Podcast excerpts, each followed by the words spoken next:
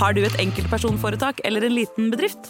Da er du sikkert lei av å høre meg snakke om hvor enkelt det er å sende faktura med fiken. Så vi gir oss her, fordi vi liker enkelt. Fiken superenkelt regnskap. Prøv gratis på fiken.no.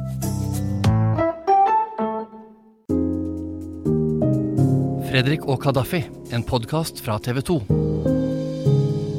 Du lytter til Fredrik og Kaddafis påskespesial. Mens noen av dere sklir rundt på ski og andre ligger på en strand og drikker piña colada, skal vi snakke om eh, krim, true crime og faktiske krimsaker. Både oppklarte og uoppklarte. Sammen med oss i podkaststudio er forfatter, jurist og tidligere politileder Hanne Kristin Rode. Velkommen. Takk. Og TV 2-kollega, krimreporter Kenneth Fossheim. Velkommen til deg. Takk for det. Kadafi, visste du at dette med påskekrim er et helt sånn særnorsk fenomen? At forlagene fant en måte å selge bøker på utenom den vanlige eh, store boksalgtida som er på høsten? Og så begynte NRK med disse krimseriene på, på midten av 70-tallet. Og så har TV 2 fulgt opp, da. TV 2 har jo krimserie også i år. Og det har blitt en sånn tradisjon.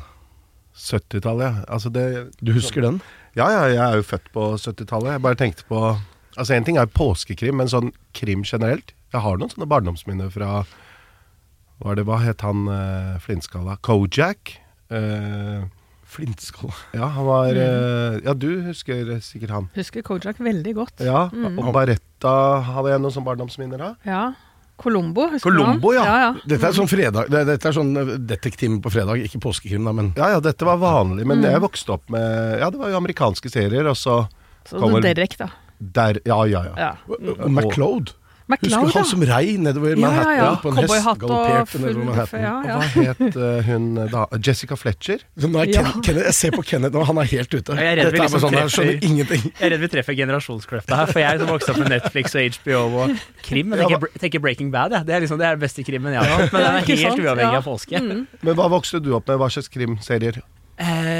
Eh, hvilke krimserier vi vokste opp med? Nei, altså Jeg husker f.eks. Etterlyst på TV3. Altså Jeg har aldri vært veldig langt nede i fiksjon, alltid vært veldig glad i sånn det faktuelle. Eh, Så du har ikke opplevd Detektimen Nei. på fredager? har Nei, ikke det. Jeg husker så vidt Tippekampen på lørdag. Liksom. Ja, men det er liksom hvor den derre gongongen gikk når det Ja. var scoring i andre Mm. kamper. Og så måtte Eh, man ta en Nei, det var kanskje du Jeg var for liten. Ja, var for liten. For da måtte man ta en liten pils. ja. Men da var det Ja, hva var det For da er vi på 90-tallet. Mm. Hva så du på da, Fredrik? Nei, jeg, jeg, jeg har jo sagt til deg, jeg ser jo ikke på TV. Nei, I 90-tallet jobba jeg jo i TV, så jeg, jeg var ute og reiste hele tiden. Og så titta jeg litt Så på deg sjøl? så på meg sjøl da jeg kom hjem. Men uh, nei, jeg, jeg er veldig glad i å lese, da. Jeg, jeg er sånn litteraturmenneske. jeg er Sånn, Ja, du, har, du har gjentatt det i hver eneste episode. Du har Ja, ja. skrevet sju bøker. Ja. Det, det Men du vet jeg. at man kan gjøre begge deler. ja, for du har gjort det, ikke sant? Ja, ja, både se på TV og lese bøker. Ja. Mm, og, og går skrive. Og skriver, ja. Ja. Men det kom senere. Ja. Men Får du til å gjøre det samtidig? Altså, du mener jeg har på TV og, Og skriver eller Nei. leser? Nei. Nei. Det gjør jeg ikke. Jeg liker stillhet. Syns det er veldig greit, altså. Ja, hvordan er det, altså krimforfatter Altså, jeg har jo intervjua deg i mange, mange år. Ja. Når du jobba som sjef i vold og sedelighet i Seksjon for volds- og seksualforbrytelser. Ikke sant? Mm, sedelighet, vet du, det er det bestemødrene ikke fikk lov til å drive med under dyna. Ja, Mm, bare så vi skiller på ordene her. Ja, ja, ja. Seksualforbrytelser, da er vi over i kriminalitet. ikke sant? Og så husker jeg, for da jobba vi eh, som krimreportere, jeg og Jens Christian Ørbø. Yes. Og det var alltid sånn stas. Hvem skal intervjue Hanne Kristin Rode? Oh, ja. Ja, ja. Var, det, var det en sånn kamp om det? Det var litt kamp om det. Wow, Og den vant. Ja. Nei, det visste jeg ikke. Nå ble jeg litt sånn wow. jeg ser du rødmer. Jens var, eh, ja, ville ofte intervjue deg, og det ville jeg òg. Mm. Da hadde vi litt sånn eh, ja, mynt, Hva heter det? Mynt og kronomynt, ja. ja. Mm. ja. Faktisk. Det er sant. Til verden. Mm. Men du, du har skrevet krimbøker. Altså, er, det, er det tatt fra virkeligheten? Eller noe er jo åpenbart fra virkeligheten, men hvor mye av det er virkelig? Eh, På en måte kan jeg si at alt er fra virkeligheten, men på den annen side må jeg jo da understreke at jeg har jo undertegnet en livsvarig taushetserklæring, sånn at ting jeg ble kjent med i politiet som ikke har vært ute i offentlig, det kan jeg ikke bruke. Men da min andre krim kom i 2015, som heter Bare et barn, som handler om mindreårige enslige asylsøkere som kommer til Norge, og som da forsvinner, eh, så var det en journalist, og det var ingen av dere, da, men som spurte meg, si meg, Rode, hvor eh, gjorde du researchen din? Og da lurte jeg på om jeg var utsatt for sånn P4-5 på eller noe sånt. Eh, Så da sa jeg, du, um, 25 år i politiet? Sånn prikk, prikk, prikk. Å ja, ja, ja. ja. Og Kenneth, du har jo skrevet bok. Mm. Fortell. Nei, jeg og kollega Magnus Bråten vi eh, dekket jo Lørenskog-saken, eller dekker Lørenskog-saken for nyhetene i TV 2. Eh, en komplisert sak med mange fasetter. Vi har jo dekka den sammen eh, i perioder. Um, Ja, du og Kadafi?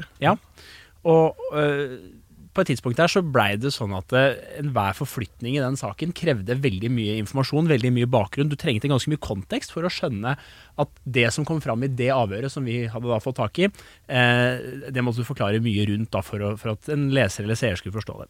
Eh, og vi satt etter hvert på veldig veldig mye informasjon om denne kompliserte saken som veldig mange var opptatt av. Eh, så da kom vi i kontakt med forlag og skrev en bok om en pågående etterforskning. Det tror jeg ingen har gjort før. Og jeg, jeg veit ikke om jeg hadde gjort det igjen, for det er en krevende øvelse å prøve å, å gjøre det, men interessant. Men gi oss litt bakteppe for eh, Lørenskog-saken.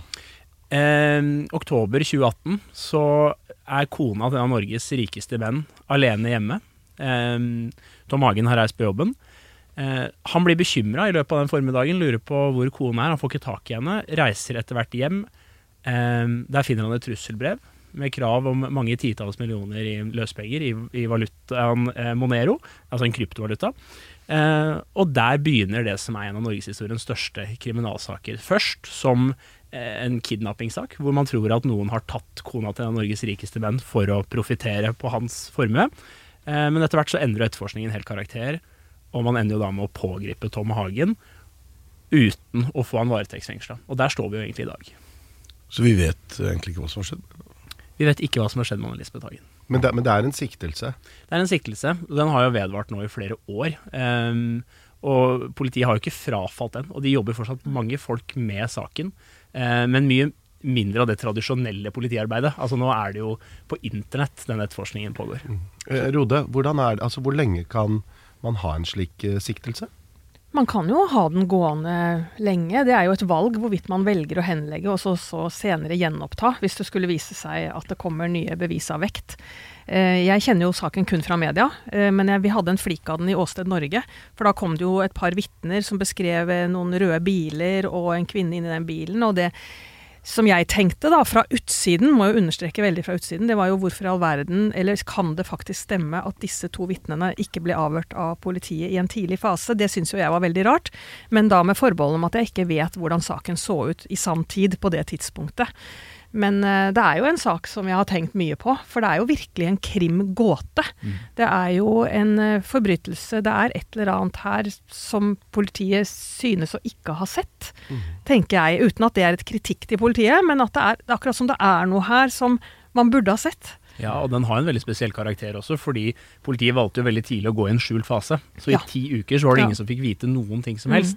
Ehm, så det er jo helt, helt sikkert noen som har sett noe av interesse her. Mm. Men hvis jeg spør deg hva spiste du til middag i forgårs, eller eh, hvor var du, hvilken, hvilken buss tok du, hva var klokka da du tok den 54-bussen her for en uke siden? Du har ikke kjangs, ikke sant? Og så går du ti uker tilbake i tid, og så skal du ut og begynne å avhøre vitner. eh, og, og dele informasjon om at dette har skjedd. Så skal folk begynne å tenke tilbake. Det er en kjempevanskelig øvelse. Det er fryktelig vanskelig, og det jeg tenkte når jeg forsto Når saken sprakk i media, for jeg kjente jo ikke til den heller, eh, så vet vi jo at det er i initialfasen, i løpet av de 48 eller 72 første timene, at man har størst mulighet for oppklaring og finne aktuelle spor. Og så velger politiet da å holde den skjult så lenge. Det må være tidenes dilemma, faktisk. Som må ha vært forferdelig vanskelig å stå i. Men kan det ha vært en tabbe av politiet å vente så lenge, tenker du? Det kan det ha vært, men jeg kan ikke si at det er det. For jeg kjenner jo ikke dokumentene, jeg kjenner ikke saken slik den så ut på det tidspunktet. Eh, en annen sak. altså Jeg husker en, når eh, du var i politiet, så var det et drap på Skøyen. Eh, Ja. Skøyen-drapet. Vegard Bjerk, som ble funnet i en garasje. Eh, den ble aldri oppklart. Nei, den ble ikke oppklart, og det er jo en sak jeg husker veldig, veldig godt. Eh, og det er også en sånn sak som jeg tenker på som en forbrytelse hvor noen burde ha sett. For så vidt jeg husker så var klokken litt over fire på dagtid i desember, hvor det er veldig mange mennesker kommer og går. Man kjøper julegaver, man har hentet barn i barnehage, skole. Eh, og det er mange som kjører ut og inn av det garasjeanlegget. 2008. 2008. Og så er det altså ingen som ser akkurat det drapsøyeblikket. Og så var det jo dette her en tid hvor det ikke var så mye som var digitalt, så det var da et kamera som skulle hatt film i seg i hjørnet i garasjen. Og hadde det da vært med film, så hadde vi jo sett drapet. Tenker du ofte på det? Altså på saken? Jeg tenker ofte på saken eh, fordi jeg syns at eh, Altså, det, å stå i en etterforskning hvor vi gjør så mye jobb, vi sjekker eh, bompasseringer, vi sjekker psykiatri, om det er noen som er løslatt, vi sjekker eh, mennesker som er i hans omgangskrets. Altså, vi sjekker alt det er mulig å sjekke i forhold til telefoner, eh, basestasjoner. Og det er ingen steder vi finner noe som helst. Og han er knivstukket. Men det som var ganske fantastisk, det var jo at eh, vi sendte eh, Da vi pågrep eh, denne siktede, og fikk beslaglagt en kniv hjemme på det kjøkkenet som ble sendt til Kripos, så fikk vi jo en, eh, hva skal du si, en konklusjon at det kan være, altså det holder ikke i retten. Og så ble kniven sendt til Sverige, som da går litt lenger, men det er fortsatt ikke en sannsynlighetsovervekt. Og så blir eh, kniven sendt videre til Tyskland, og der hadde vi en ganske kraftig diskusjon, for det ville koste så mye. De antydet opp mot en million Oi. norske kroner for å gjøre alt det arbeidet de skulle gjøre. Og det er jo det kan sies i en kort setning, de pengene hadde jeg ikke. Eh, og politimesteren forventer jo at jeg skal eh, holde budsjettet. Så vi hadde en diskusjon, men så besluttet vi at vet du hva, vi må faktisk gjøre det. Og så sa vi til Tyskland at dere må begrense det. Og så får vi jo faktisk en konklusjon fra Tyskland. Det er den kniven. Ja. Og så gikk det noen måneder, og jeg grua meg for regningen. Tenkte at nå får jeg oppsigelsen, eh, fordi dette, nå har jeg gått for langt. Og så kommer hovedetterforsker inn til meg og sier jeg har en god nyhet til deg. Tyskland syns dette var så lærerikt, så dere trenger ikke å betale. Ja, det var, Så det var ganske fantastisk. Så da, vi, da sto vi i en situasjon hvor vi hadde kniven, eh, som Tyskland da mente var brukt, men så hadde vi da et databevis på PC-en hvor han mente han hadde sittet der, og så et familiemedlem som sa han hadde vært hjemme hele tiden. Og da blir det jo rimelig tvil. Er det andre saker fra din tid i politiet som, du, liksom, som ikke er altså uoppklarte saker, som du går rundt og grunner på og du ikke klarer å kvitte deg med? Eh, nei, eh, det er nok eh, ikke det. De fleste ble heldigvis oppklart. Vi har jo en god oppklaringsprosent på drap i hovedstaden. Ja. Eh, det er jo verre med voldtekter, men det er jo et eget tema. For det sier seg selv at sakens karakter tilsier at eh, her kan det være to meninger om en sak, og mange fordommer og måter å se ting på. Mm. Kenneth, du har jo jobba i flere år som krimreporter nå, og også dekka saker som ligger litt sånn tilbake i tid, Mm. og hvor det er helt ny utvikling. Baneheia, f.eks. Hva tenker du som på en måte en moderne krimreporter eh, om den saken? Nei, Baneheia-saken er veldig spesiell, og jeg er jo Altså, jeg var ti år gammel da drapene i Baneheia skjedde, så jeg var jo bare et lite barn. Eh, og ble introdusert for den saken i 2015-2016. Eh, og da var det veldig spesielt, fordi det var jo én fraksjon, dog noen veldig få, som var veldig påståelige om at dette her ser rart ut. Det er ting ved, ved Viggo Kristiansen som at dette stemmer ikke. Men de ble jo litt neglisjert og sett litt bort ifra. Eh, Så ble jeg jo journalist da, og, og begynte å liksom undersøke saken, og syns jo at de hadde jo noen interessante poenger. Altså Den dommen fra byretten eh, hvor han ble dømt til 21 års forvaring, den er syltynn. Det er en dom på ikke veldig mange sider, og man hopper bukk over en del sentrale beviser i saken. Altså DNA-bevis er dårlig drøfta, mobiltelefon, hvor var egentlig den? Det hoppes det litt over. Så begynner man liksom å undres litt. Um, Men det er ikke lett å gå litt sånn motstrøms når du er ny i bransjen, på en måte. Nei, det er jo ikke det. og det, Vi møtte jo motstand internt i huset. Og det er jo andre i norsk offentlighet som har tatt en mye mye større støyt enn det vi har gjort. Altså forfattere som har skrevet eh, bok om saken, eh, folk som har laga podkast om saken.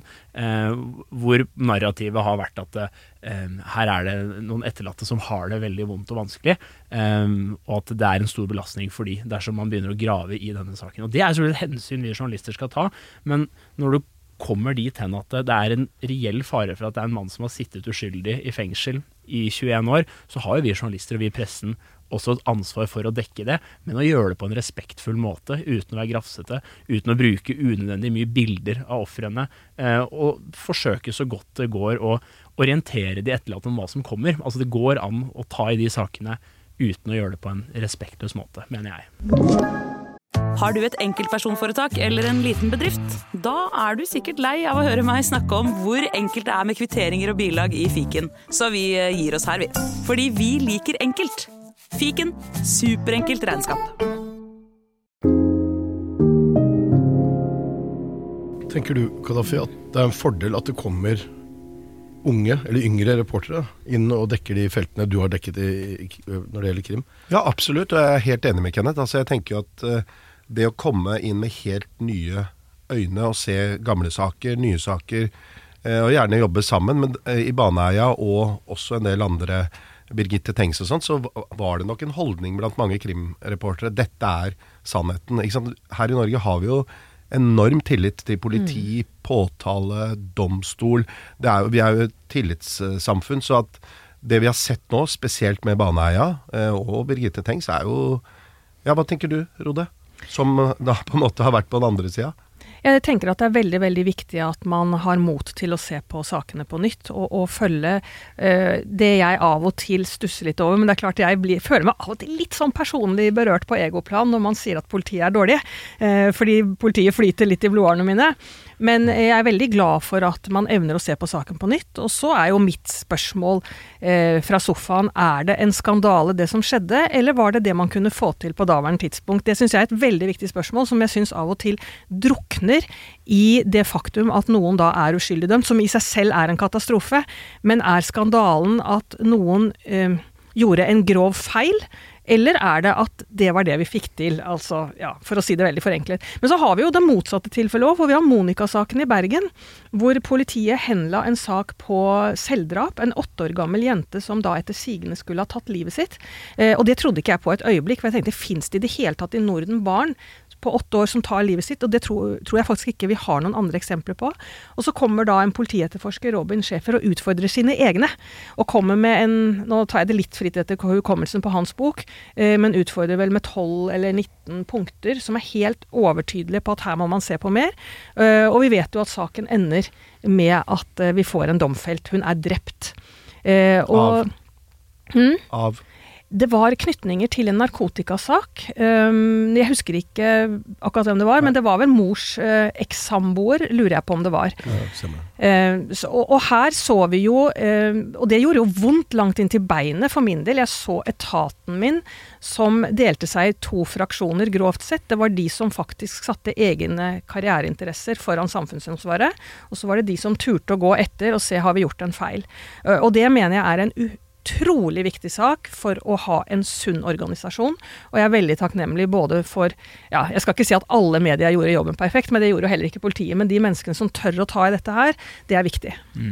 Hvis, hvis det kan være en trøst, da, så er det ikke bare politiet som får kritikk, det er også mediene. Ja. Vi journalister får så øra flagrer av og til, Ja også. Fordi vi har gjort feil, eller fordi vi ikke har sett eh, godt nok på saken. Det er jo en utvikling nå sånn teknologisk som gjør at uh, Birgitte Tengs-saken og Baneheia-saken eh, kan få andre resultater. Eh, er det en utvikling du tror vil bidra til å eh, oppklare flere saker? Det håper jeg inderlig. Det er jo ingenting som er bedre enn at vi får teknologi, at vi får tekniske muligheter til å supportere en taktisk etterforskning, slik at oppklaringsprosenten blir øker, og at vi blir sikrere i grunnlagene våre i forhold til at vi har en riktig dom. Det er jo det vi må tilstrebe alle sammen. Og da nytter det ikke å sitte og si at uh, vi ikke ønsker en sånn utvikling. Uh, men jeg er, som jeg nevnte, også litt sånn skeptisk til å kalle det som skjedde den gang for en skandale. For vi må evne da gå tilbake i sann tid og se hva var det man hadde. Mm. Kenneth, jeg bare tenker på Kan du si noe om no noen saker du jobber med nå, som enten er tilbake i tid, eller som, som pågår? Ja, vi jobber med flere saker, men for å ta det med, med DNA først, da, så er det jo sånn at det, i Baneheia-saken hadde aldri verden kommet noen vei for Viggo Kristiansen selv uten DNA-teknologi. Fordi Jan Helge Andersens forklaring var det den var, at han så vidt var bortpå den ene av jentene, at Viggo Kristiansen er aktiv på åstedet, og at han sitter med ryggen til. Så går jo nå nye DNA-eksperter inn og finner jo bare Jan Helge Andersens DNA eh, på steder på kroppene til jentene som er forenlige med overgrep. Og så holder det opp mot at han sitter med ryggen til, som han sier. Altså Den forklaringen kan langt på vei utelukkes, mener Riksadvokaten, og derfor er vi der nå. Samme Birgitte Tengs-saken.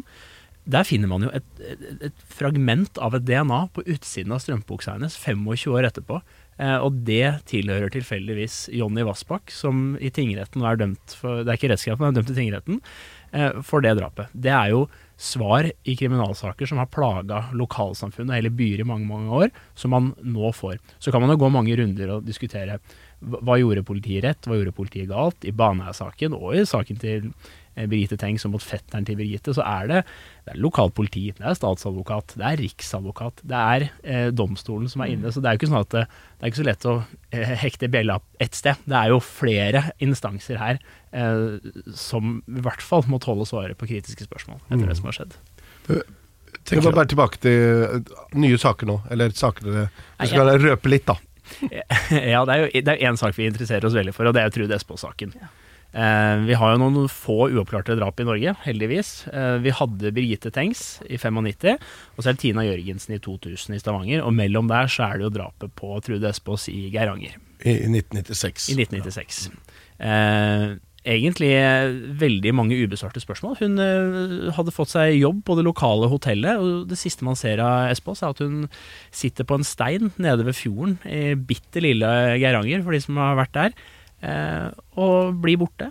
Og er borte i ni dager, mener jeg, før man finner henne godt gjemt i steinura rett bak riksveien. Eh, og det åstedet var i den forfatning at det var veldig vanskelig å få noen tekniske beviser. Og så er det jo en utrolig interessant etterforskning, fordi det bor nesten ingen mennesker i Geiranger, men en varm augustdag så er det tusenvis av mennesker som kommer inn, og som forlater stedet. Og blant disse menneskene som har vært i Geiranger, så finnes det én eller flere gjerningspersoner. Eh, og vi er jo selvfølgelig interessert i å gå inn i den saken, og prøve å finne ut mer om hva som har skjedd. Hvordan gjør man det? Altså For de som lytter nå, hvordan, hvordan går man inn i en sak? Rent formelt så er det jo flere nivåer å gjøre det på, men den beste måten å gjøre det på, syns vi er jo å gå til politidistriktet og si at eh, vi vil gjerne ha innsyn i saksdokumentene. Eh, og Det betyr at eh, eh, vi ber om å få se alt de har gjort. Eh, alle bilder de har tatt, eh, alle avhør de har gjennomført, alle biler de har registrert. Og så begynner vi vår egen jobb, å prøve å pusle dette her sammen. Eh, parallelt med at man ser kanskje at oi, her er det et vitne som virkelig burde vært avhørt. Han var jo der, sier kanskje et annet vitne, vi må ringe til han. Men igjen, masse feilkilder ved det. Det har gått snart 30 år. ikke sant? Så det å prøve å få noen til å huske i dag, er veldig veldig vanskelig. Men jeg vil jo tro at liksom, alle steiner er snudd i den saken. Man skulle jo tro det, eh, og jeg kan ikke si at de, de ikke har gjort det. Men det er jo det vi ønsker å etterprøve og, og prøve å finne ut av. Man trodde jo det i Baneheim, man trodde det i Birgitte Tengs, men eh, sånn var det jo ikke. Jeg jeg bare tenker på Rode, det er jo en nesten sånn true crime-bølge nå. Ikke sant? Både i Norge og, og i andre land. Hva tenker du om det? Ser du på det? Eh, true crime, ja det hender. Eh, jeg har jo gått noen runder med meg selv eh, da det først dukket opp her i Norge, og tenkte vil jeg ha det da? Eh, men det er klart at det, hvis man eh, kjører true, eh, true crime under ansvar, eh, så tror jeg det kan være veldig bra. Eh, Men det er noen fallgruber her. Det ene er jo det helt opplagte. Jakten på likerklikt, eh, seere og lyttere. Sånn at økonomi krasjer med etikken. Og da er jeg et, på et absolutt nei. Da vil jeg ikke ha det. Eh, For vi må ta hensyn til i hvert fall pårørende, som du var inne på. Vi må ta hensyn til hele saken, politiets etterforskning. Men den kan jo da være henlagt, eh, lagt brakk.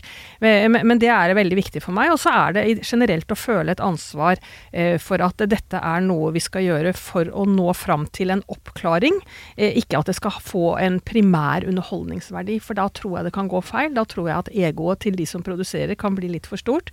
Jakten på sensasjon, på litt snappy uttalelser, kan bli på bekostning av de som sitter som etterlatte, som sitter som ofre, som sitter med masse følelser. Og ikke minst en fare for at opinionen får en oppfatning av saken som kanskje overhodet ikke stemmer med virkeligheten. Og særlig de sakene hvor vi ikke kjenner virkeligheten, hvor vi ikke kjenner faktum. Så mener jeg vi skal være veldig forsiktige.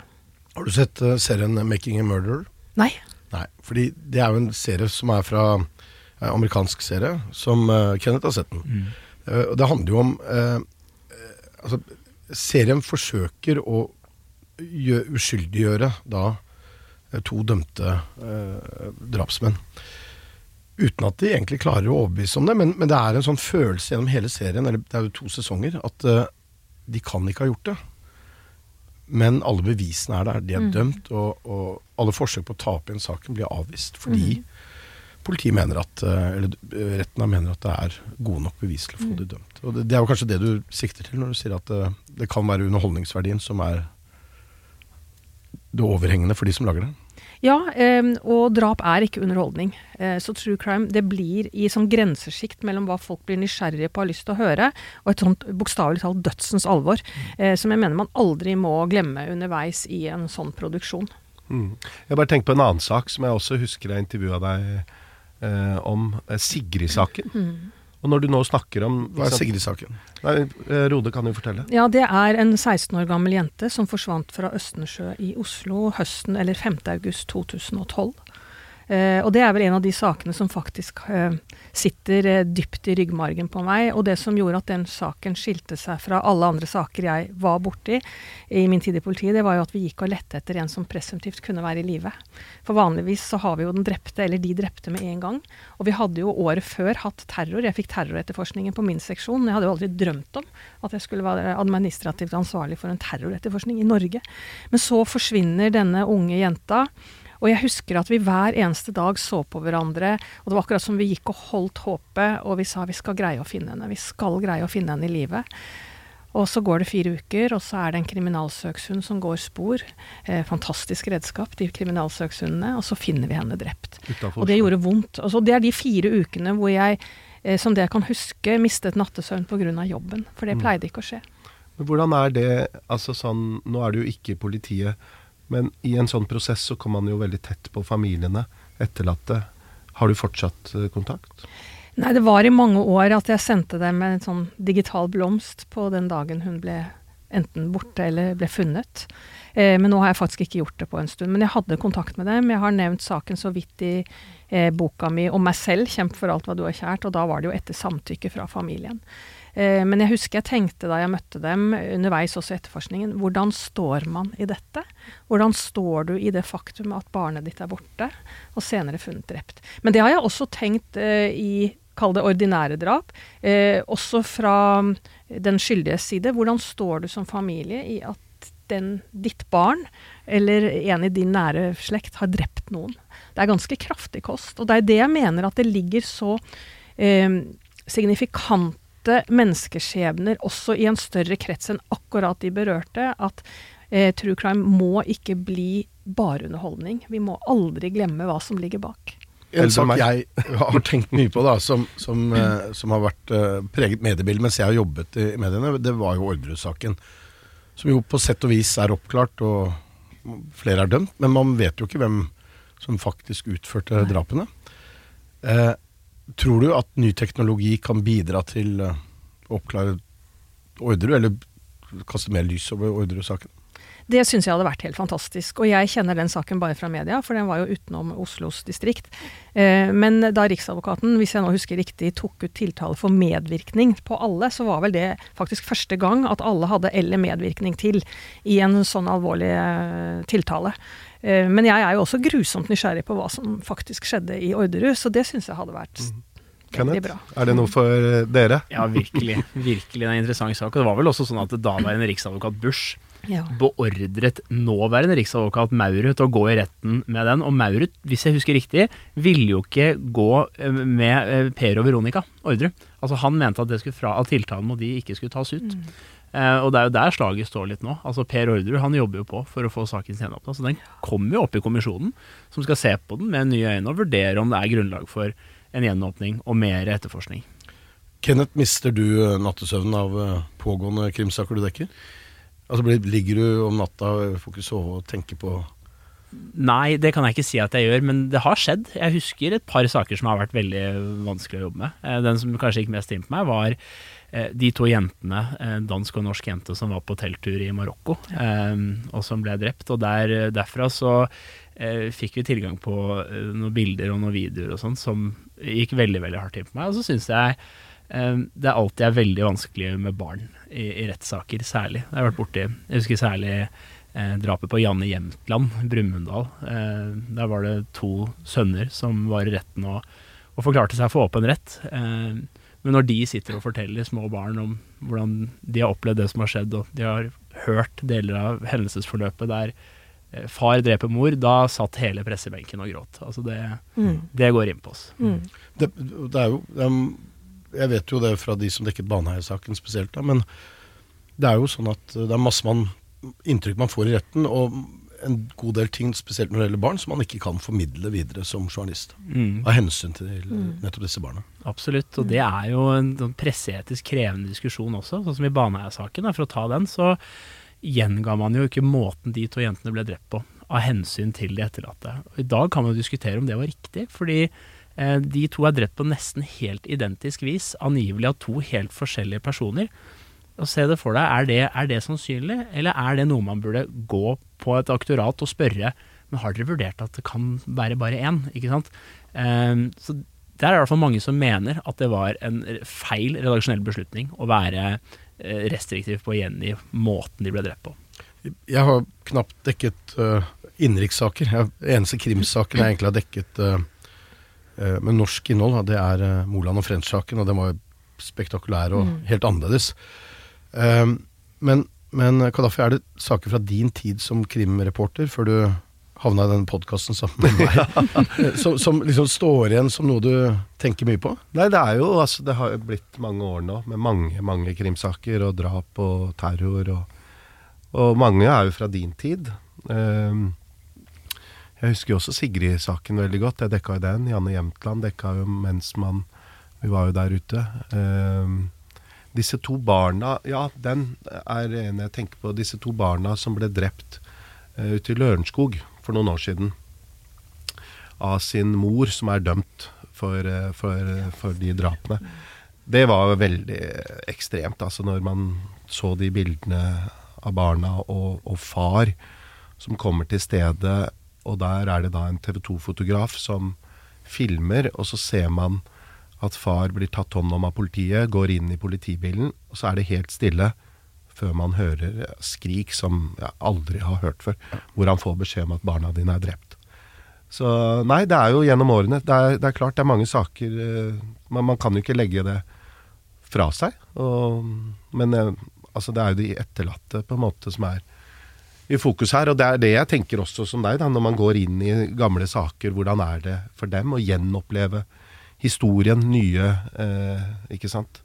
Nye ting som kommer opp. Mm, ja, hvis jeg, men det fins jo også mennesker som greier det utrolige, og moren til den norske som ble drept i Marokko. Hun har jo, Nå burde jeg selvsagt husket navnet, men hun har jo opprettet en stiftelse. Og det navnet husker jeg ikke her og nå. Eh, men hele hennes visjon, det er jo at disse jentene ble drept av gutter, menn som selv er offer for terrorisme. Og hun ønsker å møte mødrene til drapsmennene for å forsøke å skape et fundament for hvordan man går videre. Og dette mener jo jeg også det er grunnlag for å lage historier på. Og samme med eh, moren til Joshua French, som var der, og som viste en kraft som jeg tenker som vi trenger. Eh, og Sånn at ikke vi alltid bare snakker om faktum og krimsaker og hva som har skjedd. Og jeg mener ikke at det ikke er interessant, jeg liker absolutt oppklaring, jeg er tilhenger av det. Men eh, de som faktisk har det i seg til å gjøre noe ut av det de faktisk ikke har en, mulighet til å komme unna, de eh, fortjener også plass. Du, du snakket om Sigrid-saken eh, i sted, som, som da gjorde sterkt inntrykk på deg. Er det andre saker som da, Hvilken sak var du helst skulle sett blitt oppklart? Orderud var du inne på som en Som sagt så er det vanskelig for meg å huske Jeg, jeg vet Skøyen-saken. Um, og det som er litt eh, fint der, er at jeg etter noen år ble kontaktet av eh, ekskona til eh, eh, den siktede, som da ble frifunnet. Eh, og der hadde vi et moment, for vi satt og, på en kafé. Hun hadde en del spørsmål, kritiske spørsmål til politiets behandling av saken. Eh, og hun sa hele tiden 'jeg vet han er uskyldig', 'jeg vet han er uskyldig'. Eh, og så snakket hun om hvordan familien hadde blitt behandlet, og hvordan familien, politiet ikke greide å ivareta familien. Og så når jeg begynte å slappe av og tenkte at hun her er jo egentlig en veldig ålreit dame, så sier hun 'jeg har bare ett spørsmål til'. Ja, sier jeg. «Mm, Hva, hva gjelder det? Og så lener hun seg litt frem, og så hun, ser hun hardt på meg. Mykt, men hardt. Og så sier hun 'tror du fortsatt det var han som gjorde det'? Og da var han jo frifunnet i retten. Og da satt jo bare hun og jeg der, og så så jeg på, tilbake på henne og sa ja, jeg tror han er skyldig. Og da er det naturlig å tenke at hun ville bare sagt tusen takk, eh, det er kjekt at du er ærlig, og bye bye. Men istedenfor så går vi inn i en sånn nesten sånn tidløs boble hvor vi ikke sa noe på en stund, og hva vi snakket om etterpå, det husker jeg ikke. Men det jeg husker hun sa var Vet du, det er helt greit. Tusen takk for at du var ærlig. Og i dag er hun faktisk en av mine nærmeste. Mm. Så det er en veldig sånn vakker historie om hvordan vi kan møtes på et nivå hvor den uenigheten ikke er viktig, men hvor vi er så ærlige at vi treffer en streng i hverandre. Hun er jo en strålende dame. Så den, eh, både rettssaken og det som etterspillet som fulgte, har jo gjort veldig inntrykk på meg. Mm. Hva tenker du da, Garen, om den mannen? Nei, jeg har jo sagt mitt, men han er frifunnet, så det må jeg jo understreke virkelig. Han er frifunnet, og han skal anses som uskyldig. Mm. Det er det som skal stå. Mm. Tusen takk, Hanne Kristin Rode og kollega Kenneth Fosheim, for at dere kom hit. Her i studio satt eh, dere sammen med Kadafi Saman og Fredrik Resvek. Teknisk ansvarlig Mikael Skorbakk, produsent Maja Gjertum, redaktør Karianne Solbrekke. Vi er tilbake på torsdag.